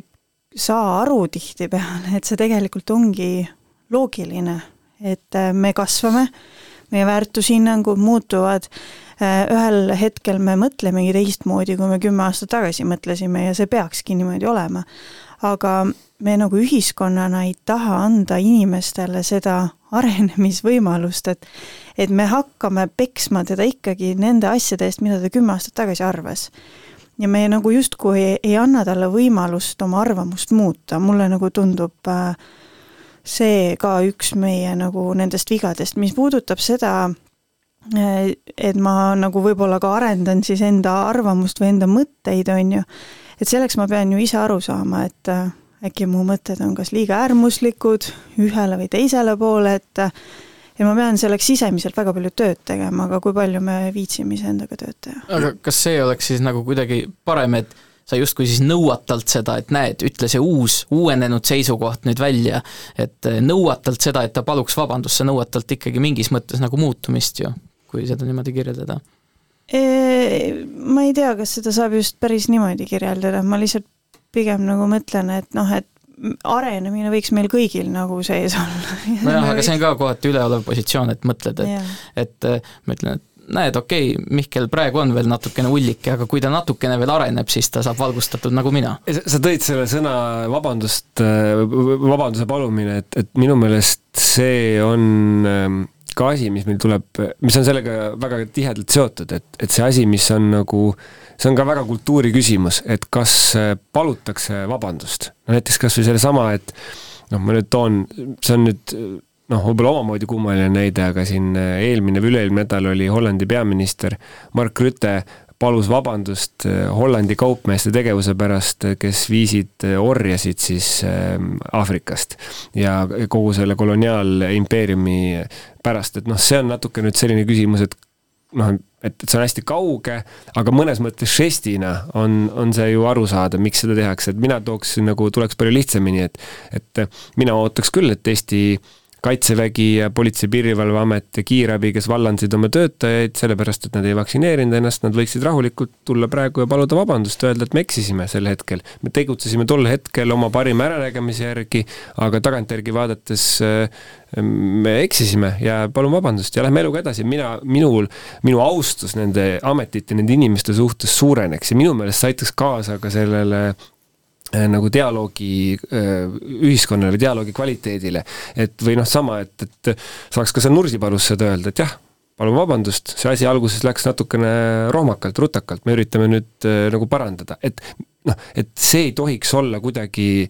nagu see, et oh, ma palun vabandust, järelikult ma näitan ennast nõrgana, järelikult ma nüüd enam ei tohigi midagi teha. Või noh, näiteks et et kui kuskil juhtub midagi mingis riigiasutuses või institutsioonis, et siis me ootame kohe, et see inimene astuks tagasi ja ta enam põhimõtteliselt ükski, ühessegi vastutavasse rolli kunagi mm, ei satuks, minu arust vastupidi, kui tuleb, ma ei tea, Eleringi juht või kes iganes ütleb, et teate, palun vabandust, meil läks äh, halvasti, Terviseameti juht tuleb, et teate, meil läks halvasti. ma plaksutaks käsi, ütleks, et see on suurepärane, see on ju normaalne osa sellest. meil ongi jah, et eh, see oskus on nagu hästi nõrk, et eh, tunnistad oma vigu. et tõepoolest, et eksisime, tegime valesti, palume vabandust teinekord, muudame, teeme teistmoodi ja see laienebki sellele teemale, et et see inimese muutumine, põhimõtete, seisukohtade noh, arenemine nii-öelda, et äh, suured põhimõtted on paigas, aga, aga sa ju arened koos ümbritsevaga, koos elumuutustega, et et võib-olla äh, meil nagu tervikuna mm, väga palju äh, isegi seda, jah, seda nagu ei oodata, et inimene muudaks neid oma arvamusi, seisukohti, et seda peetakse ka nagu jah, nõrkuseks võib-olla, et et äh, tegelikult ei saa olla selline jäärapäine, et et noh, kunagi kahekümneaastaselt ma otsustasin niimoodi ja, ja nüüd äh, raiun kümme, kakskümmend aastat hiljem ikka niimoodi, et mina ennast ei muuda, see on minu seisukoht. et see on nagu hästi selline äh, ütleme, otse rumal või niisugune äh, lühinägelik äh, lähenemine, et tegelikult tuleb muuta, tuleb eluga kaasas käia ja kui ühiskond ka nagu seda äh, äh, igati soosib ja, ja arvestab, et aga, aga meil on jah, seal nagu selline äh, kerge vastuolu, et äh, meil jah, ükskõik, et tõesti tegid vea, astu tagasi, sulle tõmmatakse kriips peale, aga mitte see, et sa ütled, et jah, seekord läks halvasti, teeme vigade paranduse, teeme uuesti teine kord, et et et see on, seal on nagu väga suur arenguruum kõigil. ja sul on ju tegelikult äh, majanduslikus mõttes palju kasulikum jääda selle mingi seisukoha juurde, et sa Just. kujundad enda mingit brändi välja, mille järgi kõik sind teavad ja siis kuskile kutsuvad tuues, tuues veel Tiidu jutu jätkuks seda nagu poliitikasse, siis seal on ju ka koalitsioon-opositsioon äh, loogika, et, et noh, ma tegelikult äh, tean, et tegelikult üllatavalt paljud Eesti omavalitsused toimivad suh-, ütleme igapäevatasandil ikkagi palju mõistlikumalt võib-olla, kui see kuvand on, et noh, kuvand on ju see, et ühtegi op-, koalitsioon ei võta ühtegi opositsiooni ettepanekut üldse arutluselegi, et tegelikult võetakse. aga see üldine kuvand ja riigi tasemel eriti on see kuvand Riigikogu tasemel, et me ei võta põhimõtteliselt, et isegi kui on hea ettepanek, et nagu ja see kandub natuke üle sellisele laiemale suhtluskultuurile ka. et eh, jah, et, et see on õige, nagu sa ütlesid, et, et seda kuvand, see on nagu kuvand, et aga, aga teisalt ikkagi selle kohalikule tasandile eh, viimastel aastatel on kindlasti seda poliitikat, suurt poliitikat rohkem tassitud ja toodud ja see on tegelikult kui vaatad äh, väikseid omavalitsusi, maakondi, on tegelikult ainult kahjuks tulnud, et mm. see on ikkagi pigem jälle seda noh, tegevusala ahtamaks muutunud. ja see on ka haldusreformi tulemus, ma ütleks, et tänu sellele seda tsentraliseeritust on, on juurde tulnud, et kui meil on nüüd seitsekümmend, palju, üheksa, seitsekümmend üheksa omavalitsust, siis noh, lihtsalt volikogude kohti on, on vähem ja teiseks, kuna on kahe tooli seadus lubatud, ehk siis on korraga lubatud olla nii Riigikogus kui kohalikus omavalitsuses, siis veel rohkem on seda nii-öelda kontrolli tulnud, noh, ühelt poolt võib öelda, et poliitika on läinud professionaalsemaks, teiselt poolt saab öelda ju, et inimestest on see otsustamisprotsess kaugenenud ja tänu sellele on jah, toodud toodud nii-öelda seda teistsugust suhtluskultuuri ka, ka kohalike omavalitsuste mm, volikogudesse, mis tähendab ka seda, et noh, näiteks mingid kokkulepped, et ütleme, et üks lepib teisega kokku, aga tegelikult äh, seda kokkulepet määrab hoopis mingisugune suhe näiteks Toompeal, et, et mis, mis tahetakse teha, et see on selline noh, klassikaline, et me oleme näinud ju ka, kus omavalitsused on, kus koalitsioonid lagunevad ja sünnivad lähtuvalt sellest, mis juhtub Toompeal. jah, põhimõtteliselt Tallinnast helistatakse, öeldakse, kas see läheb läbi või ei lähe läbi. et selles mõttes see on ka niisugune suhtluskultuur, kus noh, nii-öelda nimetame siis kellegi karvane käsi natuke suunab seda, seda suhtlust, et see, et see ei olegi nagu päris äh, kahe inimese omavaheline suhe, vaid see on noh, ongi, no siin võiks paralleeli tuua ka tehnoloogiaga, et ühel hetkel tuleb ka tehnoloogia kahe inimese vahelisse suhtlusesse nagu sisse, noh läbi selle inforuumide eri erisuse, aga ka läbi selle, et noh, kui kaks inimest omavahel suhtlevad, et milline on näiteks nende arusaam teatud, ma ei tea siis, äh, minu poolest kas või meemidest, mis internetikeskkonnas levivad või mingitest sellistest äh, noh, sealsetest jutupunktidest, et, et kuidas või noh, näiteks ka, et milline on minu kuvand sotsiaalmeedias äh, see, see mõjutab seda, millist, millisena, millises, mismoodi siis minusse suhtutakse. teistest, ütleme ka lähedased inimesed tegelikult võivad kujundada oma hoiakuid, nii et see on, see on ka osa suht-, suhtluskultuurist vaeva pead ja pruugi suud. nii et ikkagi ei näe inimest selle seisukoha taga ja näed, see muutub siis üha, üha lokaalsemaks. sõnavabadus oli ka siin üks märksõna, mis meil korduvalt läbi käis. ma küsiks teilt siis, te olete küll ajakirjanikud kõik, aga kuidas seadus peaks siis sellesse suhtuma, et me siin juba rääkisime, Tiit äh, luges neid asju ette, äh, et üks asi, kus on kindlasti siis sõnavabadust peab kuidagi piirama, on, on laim, eks, et keegi ei saaks siis vabalt lihtsalt valefakte levitada. no iseküsimus on, et kas üks suvaline netikommentaar on nagu päriselt võrreldav siis mingisuguse suure laimuga. aga siis veel tuli vaenu õhutamine, ehk siis äh, sealt üks osa on kindlasti see üleskutse otsesele vägivallale, see on osa sellest vaenu, vaenu õhutamisest ja seda on kindlasti mõistlik, mõistlik piirata ja ma ei tea, et keegi Eesti äh, siit poliitmaastikult või, või arvamusliidrite maastikult üldse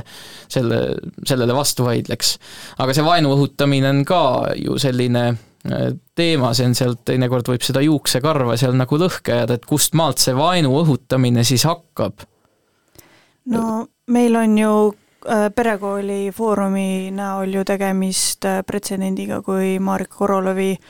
komment-, äh, või Marika Korolevi kohta avaldatud kommentaarid viisid lõpuks kohtusse ja Brigitte Susanne Hunt minu meelest võitleb ka praegu netikommentaatoritega. et ähm, kuskil tuleb see piir tõmmata, et päris nagu kõike, mis ähm, sülg suhu toob, ei pea läbi klaviatuuri nagu välja kirjutama, et et seda oskust tuleb meil küll hakata nagu kõvasti no vaenu õhutamine minu arust käib konkreetselt mingisuguste gruppide mm -hmm. kohta, just mingisuguste isikutunnuste alusel nagu rahvusrass ja nii edasi, aga siis see on see isiklik au teotamine, et noh, see Brigitte Susanne Hundi mm -hmm. juhtum oli, et keegi kirjutas tema kohta sellise sõna nagu, et ta on staarlibu ja, ja siis noh, selle asja juures Äh, irooniline oli veel see, et tema pärija pidi siis selle kinni, kinni mm -hmm. maksma, et sellepärast sa sai tähelepanu. jah, aga, aga ütleks, ma ütleks, et sõltumata nüüd sellest, kas see on siis audio ootamise küsimus või, või vaenu õhutamine või midagi taolist või, või laim, et hästi oluline on see, et äh, tekiksid sellised pretsedendid, kus need inimesed reaalselt vastutavad oma sõnade eest, et äh, mäletan veel krooni ajal oli selline juhtum, kus oli see Heiki Valner, tuntud looduskaitsja ja ajakirjanik, tol hetkel ta vist tahtis isegi Roheliste erakonna peasekretäriks kandideerida, siis ähm, tema kohta kirjutati laimavaid netikommentaare ja tema kaebas selle inimese kohtusse, see inimene oli Mart Soidro, äh, kes siis sai ka kohtus karistada selle eest. Ja väga, väga hea näide ja seda noh, nüüd on see Marika Korolevi juhtumis ja ka, ka nendes teistes juhtumites väga, väga hea, et, et noh, noh, just seesama, et ei ole olemas sellist asja nagu anonüümne, anonüümsus siis internetis või ütleme, mis tahes, ütleme, mis tahes mõttes, et noh, et ei saa olla, et et ma olen vabastatud vastutusest, et ma ikkagi oma sõnade eest vastutan, mis tahes vormis nad, ma neid kirjutan, siin oli ka hea juhtum ju paar aastat tagasi, noh, hea, hea juhtum, ütleme, õpetlik juhtum Tartu Ülikoolis, kus üks üliõpilane kirjutas tagasisidet ühe pedagoogi kohta, ühe õppejõu kohta ja nimetas siis teda mm, siis äh, mongoliitseks äh, oli see vist see sõna, või mongoliks, midagi, midagi sellist ja tegemist oli õppejõuga, kes äh, nägi natuke teistsugune välja kui, kui keskmine, keskmine võib-olla Eesti inimene, aga, aga tema tema noh, ja see juhtum samamoodi põhjustas sedasama küsimust, et üliõpilane hakkas väitma seda, et, et et kas siis ei olegi tegemist äh, nagu anonüümse äh, tagasisidestamisega õppejõule. ja noh, õppejõud äh, ja ülikool omakorda, et noh, et inimene peab oma sõnadest ikkagi vastutama, et minu meelest noh, sellised juhtumid on hea, kui nad tulevad välja, et noh, muidu, muidu me elamegi selles noh, maailmas, kus ma lähen internetti, ütlen kellegi kohta, et see on teinud seda, toda ja kolmandat ja siis see hakkab levima, tekib lumepall ja, ja noh, siis lõpuks kujunebki mingi arvamus, et ah, see inimene ongi selline, et kuskil, noh, see on see, kus suitsu seal tuld, eks ole, hakatakse rääkima, kuigi tegelikult noh, see, see, see suits ei olnud täpselt mitte suits alguses. no see... laim ja au teotamine on ikkagi kaks erinevat asja, et et noh, keegi meist ei mõtleks ju kaine peaga selle peale, et sõna staarlibu on mingisugune faktiväide, mida keegi nagu tõsiselt, see on pigem mingi hinnang või oma sellise meelsuse väljendamine ja esiteks ju ongi see, et inimene niikuinii vastutab ta niikuinii vastutab sotsiaalses mõttes, et äh, teiste mingisugune hukkamõist või, või, või siis noh, hoopis positiivne tagasiside, mine sa tea. selles mõttes inimene niikuinii vastutab ja, ja noh, seal on see, tuleb nüansi erinevus, et kas siis anonüümsed äh, netikommentaarid või, või siis oma nime alt ja see on muidugi ebaviisakas, see on inetu, oleme nõus, ma, ma ei tahaks mitte kunagi ise seda kirjutada, ma ei soovitaks kellelegi, kui keegi tuleks küsiks, kas ma panen selle kommentaari, ma ütleks ei, aga kas kõik ebaviisakad, inetud, valed asjad peavad olema seadusega reguleeritud? ju tegelikult ei pea, kõik valed asjad ei pea olema seadusega reguleeritud no kõik ei pea ja kõik ei saagi olla. no aga kas selline, selline asi siis nagu tõepoolest peaks olema ja, ja, ja see teine punkt, point, mida ma tahtsingi öelda, on see, et need on ju ainult sõnad. seda küll, aga üks äh, nagu öeldakse, et äh, ajalehega võib tappa nii kärbest kui inimest, et et äh, tegelikult ikkagi küsimus on see, see vastutamise küsimus täpselt, et et mida rohkem tegelikult tuleb selliseid konkreetseid asju, kus see kes siis netikommentaaris või sotsiaalmeedias kuskil kedagi kedagi ründab, süüdistab, et ta selle oma sõnade eest ka reaalselt vastutab äh,, olenevalt siis teost, seda äh, karistuse selle eest saab, et tegelikult see distsiplineerib ja, ja sunnib inimest mõtlema, et iga, iga lause, mis ma äh, ütlen, kirjutan kellegi kohta, eh, tegelikult selle üle tuleb ikkagi enne mõelda, kui, kui öelda ja kirjutada. et eh, see skaala on muidugi hästi lai, mis kellelegi mm, ütleme, läheb korda, kellelgi ei lähe, keda rohkem haavab või, või vähem, no see on natukene siin küll teine, teine näide võib-olla, aga on ju räägitud, arutletud selle üle, et kui palju on, on neid äh, kaebamisi või, või info edastamisi, ütleme siis äh, kas siis kaitsepolitseile või keskkriminaalpolitseile äh, inimesi süüdistatud äh,, lõpuks on seda mitu aastat uuritud, tegelikult on selgunud, et kõik see oli alusetu, see oli lihtsalt laim, et on ju öeldud ka seda, et, et noh, et siis peaks ka tegelikult see teine pool ikkagi kandma vastutust selle eest, mis äh, on ta siis riigi äh, ressursikulud selle oma alusetu süüdistuse kaebamisega tekitas, et äh, noh, ei, ei tohiks ikkagi nii mm. olla päris, et no. et ma võin lihtsalt suvaliselt äh, igaühe kohta öelda, ilma et minule mingit äh, tagasisidet äh, vastutus sellega kaasneks. no, nojah, selles mõttes, et alusetu süüdistus, et kui sa jah, lihtsalt pulli pärast teed, on ju siis ilmselgelt no nagu mitte isegi pulli pärast, seal on kas ja... konkreetne mingi vaen, kadedus, viha, mis iganes, sellised jaa, aga kui on selles mõttes palju. tõsine kahtlus, siis ei tohi tekkida seda pretsedenti ka, et inimesed kardaksidki minna, et näed, äkki tuleb välja, et ei ole. jah, seda siis... küll, mul, mul on üks ütleme, selline sajanditagune näide, mis paneb võib-olla natuke asjad perspektiivi. umbes ma arvan, et aasta võis olla tuhat üheksasada kakskümmend neli, kui minu vanaisa, vanaisa siis Setumaal ähm,, neil mõõdeti siis seal äh, kruntide piire ja, ja siis tuli maamõõtja, ametnik tuli sinna ja minu siis vanaisa, vanaisa ehk siis selline mm, tõsine talumees Mihhail oli, oli seal äh, siis kuidagi, polnud nad rahul naabriga nende maamõõtmiste tulemuste osas, siis ta hakkas ametniku tööd segama, ta võttis selle maamõõdu kivi, viskas selle teise kohta ja olevat siis öelnud kohtutoimiku järgi, et see pole mingi maamõõtja, see on poisike ja nüüd selle lause eest, et see pole mingi maamõõtja, see on poisike, sai ta, kui ma peast ütlen, kakskümmend kaheksa päeva vangistust. ma ei kujuta elus ette tänapäeval, et, et sellise asja eest, ametniku solvamise eest saaks sellise asja, et selles mõttes me oleme võrreldes saja aasta tagusega sõnavabaduse ja kõige muu väljendusvabaduse koha pealt nagu suure sammu edasi teinud. no küsimus ongi, et kus on see nagu see mõistlik tarkuse piir, et jah, et, et, et noh, et kas see, et ma ütlen kellegi kohta libu, et kas see on minu väljendusvabadus või see on juba kellegi solvamine, et et mõnes mõttes minu arust see piir peaks olema tõesti nagu võimalikult kaugel, selles mõttes, et see noh, võimalikult suur peaks olema väljendusvabadus, et me ei hakkaks nagu asjatult kedagi piirama, aga samal ajal noh, me mõtleme tõesti, et et noh, ka kiusamisega, ka noh, näiteks nendesamade interneti kommentaaridega, meemidega, mida tehakse, mis ei olegi võib-olla otseselt noh, solvavad, et see on niisugune noh, see on niisugune kultuuri küsimus rohkem, et me tõesti võime hävitada inimese psüühikat, et see on asi, mida ma arvan, noh, ei peaks nagu võimendama, et noh, kui me teeme ka internetis, ma ei tea, anonüümseid mm, noh, eriti just näiteks koolikiusamise näitel, kus tehakse võib-olla anonüümseid kontosid, kus hakatakse kedagi kiusama või kedagi nii-öelda trollima. et noh, täiskasvanud inimesed veel saavad sellest üldjuhul üle, aga ütleme, kasueas inimesed, aga noh, miks mitte ka täiskasvanud, et ega me ei ole keegi siin äh, päris äh, kivist, et me, me ju võime mingi hetk murduda, et, et noh, et, et tõsi on see jah, et avalikule tegelastele kehtivad mõnevõrra teistsugused reeglid, kui sa oled juba eh, noh, täiendava avalikkuse tähelepanu all, et sa pead ka natuke suurem tolerantsus peab olema. aga jah, et, et kas, kas nagu kellegi suhtes roppe väljendit kasutada, et mina mõtlen alati, et alati võib ju teistmoodi öelda ja noh, ütleme,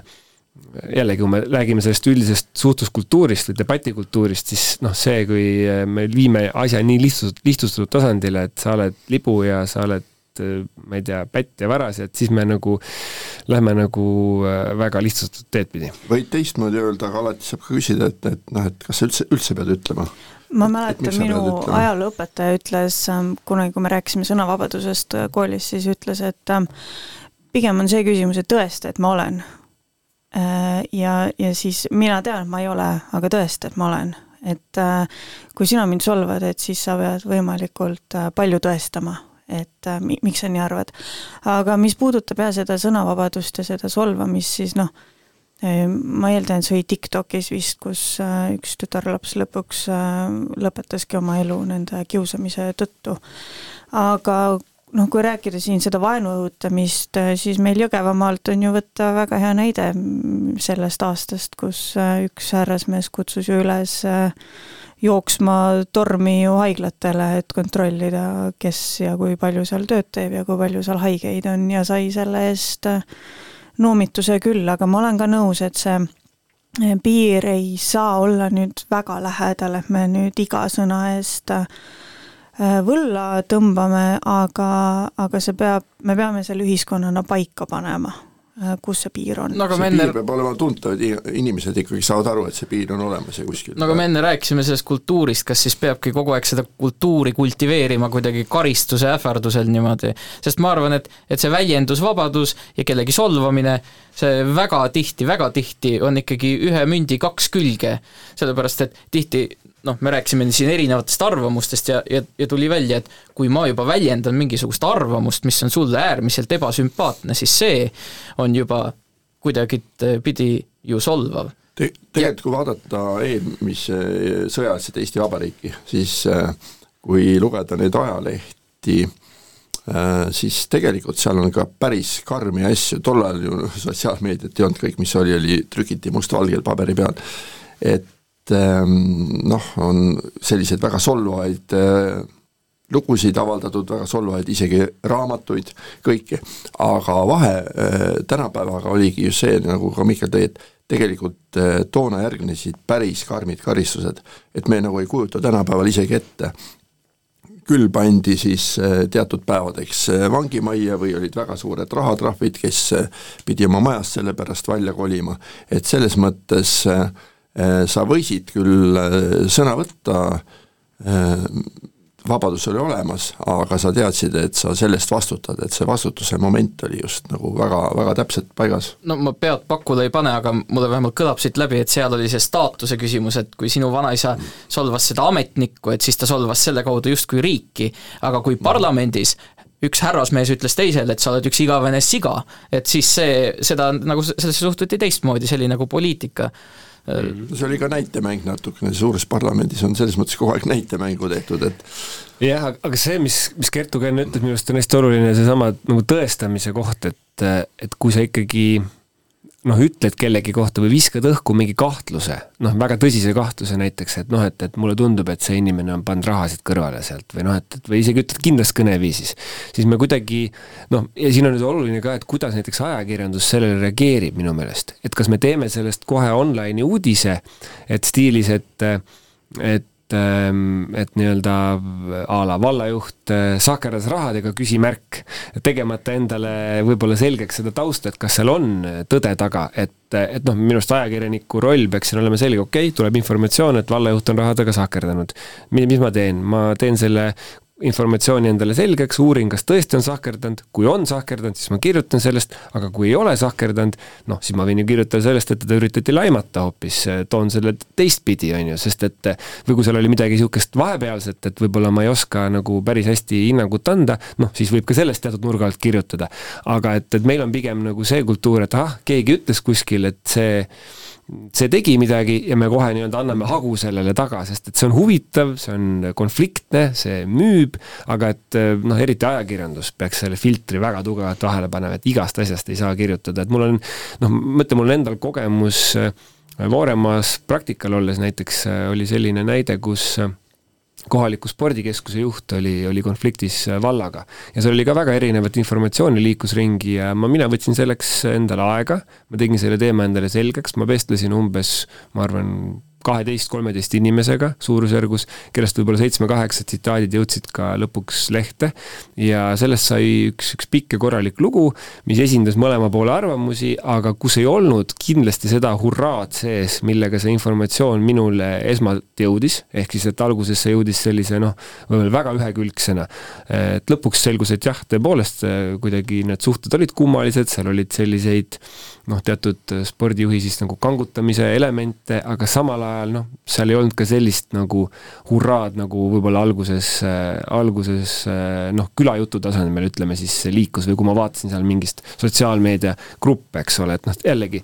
võttes sealt üks-ühele informatsiooni, pannes selle lehte, noh siis sa väga kaugele ei jõua, aga lõpuks sai see asi nagu kajastatud, mõlemad pooled said sõna, noh et, et, et ei, ja nagu eh, ma arvan, et sai ka suhteliselt mahlakas lugu või ütleme, niisuguse mahlaka pealkirjaga, eks inimestel oli tõenäoliselt ka huvitav lugeda, aga jällegi, eh, selle, seda ei saanud teha saja kuuekümne tähemärgiga ja kiirelt ühe-kahe tunniga, vaid see võttis aega, ma ei tea, kolm-neli päeva, selle loo tegemine põhimõtteliselt no meil on Marko Mihkelsoni juhtum võib-olla kõige klassikalisem, kus äh,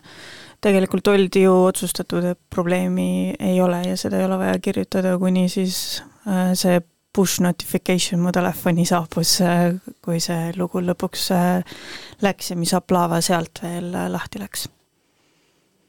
jaa, see on, see on hea näide nüüd, et, et kust algab see sõnavabadus ja kust algab see, et, et, et noh, ja jällegi, avaliku elu tegelasel, kas tal kehtivad natuke teistsugused reeglid või mitte, et et seal on hästi palju nüansse ja väga palju on ka see noh, nii-öelda siin tulevad, ütleme, kus, mille, millele väga palju ka apelleeriti, eks ole, oli see, et noh, nagu laste, laste küsimus, eks ole, et kas lapsed ja, ja siis hooldusõiguse vaidlus on need asjad, mis on piisav argument, et millestki mitte kirjutada, näiteks. meediaeetika no, nii ütleb, jah. et, et noh, siin ongi täpselt see, et noh, nagu me enne rääkisime, et kus siis on see sõnavabaduse ja ajakirjandusvabaduse nagu, nagu piir, et, et noh, väga peab kaaluma seda, et ja siin oligi eh, noh, nagu ka Postimees põhjendas oma eh, variante, miks nemad eh, selle esimesena tegid ja noh, oligi hästi huvitav, et et teised ajakirjandusväljaanded teadsid seda ju ka ja olid tegelikult põhimõtteliselt oma lood valmis kirjutanud ja ootasid siis seda, et kes nüüd esimesena avalikustab, et see oli selline noh, kummaline olukord ja siis veel omakorda eh, noh, erinevad siis ajakirjanduseetika teoreetikud võtsid sõna, et et see noh, võib-olla kui ma, mina ütleks, et kui me vaatame, millest on kirjutatud viimastel aastatel ajakirjanduses, siis see lugu pigem äh, Äh, mulle tundus, et ei eristunud äh, väga sellest, millest on juba varem kirjutatud, ehk siis et äh, seda hoolsuskohustust siis, mis ajakirjanikel või, või ajakirjandusel on, oli juba varem suhteliselt noh, laste suunas, ma mõtlen siis suhteliselt nagu loominguliselt tõlgendatud, et et ei olnud sellist karmi joont, et me ei kirjuta nendest, nendest asjadest, pigem kirjutati isegi, et, et ma arvan, et see oli ka üks põhjus, miks Mihkelsoni lugu ilmus. ja seal oli veel advokatuuri eetika ju, see oli veel eraldi küsimus, mis sellega veel kerkis esile. no minu meelest suurem eetika küsimus tekkis pigem sellest, kas meil on õigus äh, lapsi taasohvristada või üleüldse ohvristada, kui me Riigikogu infotunnis loeme ette detailse kirjelduse dokumendist, mis tegelikult ei peaks meie laua peal nagu üleüldse olemagi. et see oli minu meelest see kõige suurem probleem ja ka see, et sotsiaalmeedias hakati ikkagi nõudma, ma, ma ei tea, mis inimesed need on, kes nõuavad esiteks neid pilte näha, ma ei tea, kas eeldati, et need pildid on nagu suurelt kuskil ajaleheveergudel ja, ja veel kirjutasid sinna juurde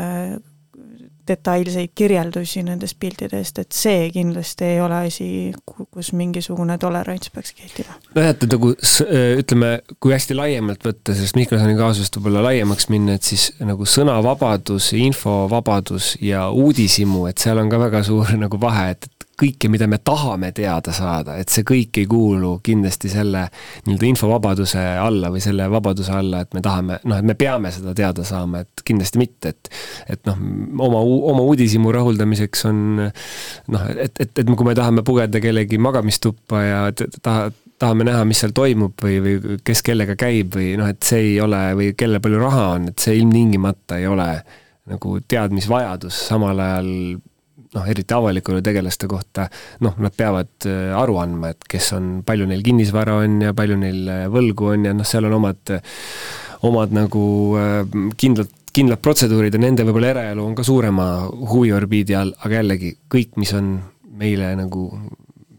noh, kõike, mida me ta-, tahaksime teada või mille, mille ümber tahaks lokku lüüa, et siis, siis, siis seda, seda ei pea ajakirjandus kajastama. no ja aga see, seal kohe rakendus see sama suur lõhe, millest me enne rääkisime, et kõik, kes olid poliitiliselt juba Marko Mihkelsoni ja tema maailmavaate vastu, need siis uskusid, et näed, tegemist on pedofiiliga ja teised kohe ilma igasuguse kahtluseta nagu viskusid tema kaitsele. minu jaoks isiklikult oli otsustav see moment, et kui ma lugesin, kuidas see advokaat kirjeldas neid pilte ja, ja, ja see on üks veider ülesanne, ma soovitan kõigil, kes ikka veel kahtlevad,